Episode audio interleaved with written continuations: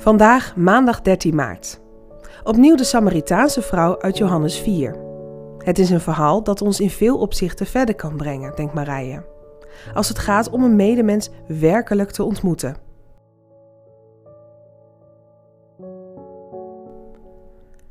Het verhaal over de Samaritaanse vrouw is misschien wel een van de meest bekende ontmoetingen van Jezus. We hebben het er vaak over. Er zijn zoveel lessen uit te halen. Het spreekt tot de verbeelding. Een zondige vrouw, een Samaritaanse buitenstaande, een outcast. Iemand met wie mensen niks te maken willen hebben en iemand diezelfde mensen ook liever niet onder ogen komt, wordt door Jezus gezien en aangesproken. Hij is niet bang voor wat de mensen van hem zouden denken als hij met haar wordt gezien. Deze ontmoeting is voor de vrouw heel belangrijk. De vrouw, zonder naam, die door meerdere mannen als oudvuil is weggezet, want bedenk even dat vrouwen niet mochten scheiden in die tijd, die haar naam wellicht alleen maar hoorden als de mensen uit de buurt over haar fluisterden. Mensen spraken alleen maar over haar en wilden niet met haar praten. Maar toen was daar Jezus. Hij vroeg zelfs of de vrouw iets voor hem wilde doen, of ze hem water wilde geven. Daarmee erkende hij haar bestaan en liet hij zien dat hij haar voor vol aanzag. Hij vraagt naar haar man. Hij zegt dat wat iedereen alleen maar durft te fluisteren. Op klaarlichte dag praat hij over wat er is gebeurd in de nacht, wat schaamtevol is. Maar hij is daar niet bang voor. Hij is niet bang om deze dingen te benoemen. En kijk wat het met de vrouw doet. Ze durft weer naar het dorp te gaan, onder de mensen te komen en te vertellen wat ze heeft gezien. Let op, haar verhaal is niet iets groots, een filosofisch verhaal of iemand die uit de dood is opgestaan.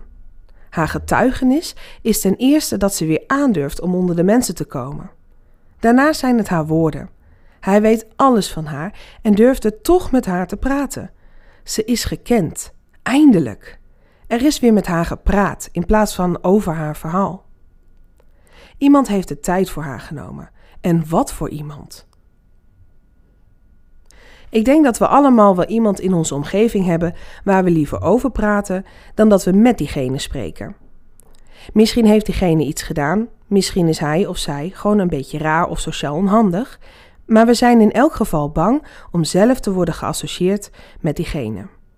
Of misschien durven we zelf wel even geen mensen onder ogen te komen door wie we zijn of wat we hebben gedaan.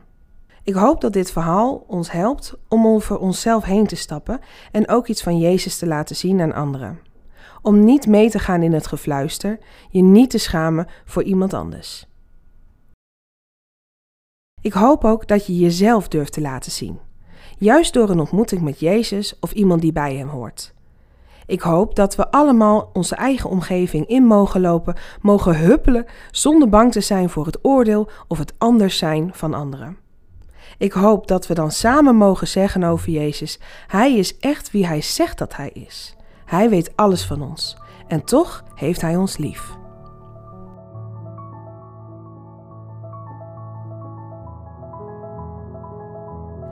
Leuk dat je luistert naar 40 dagen hier en nu.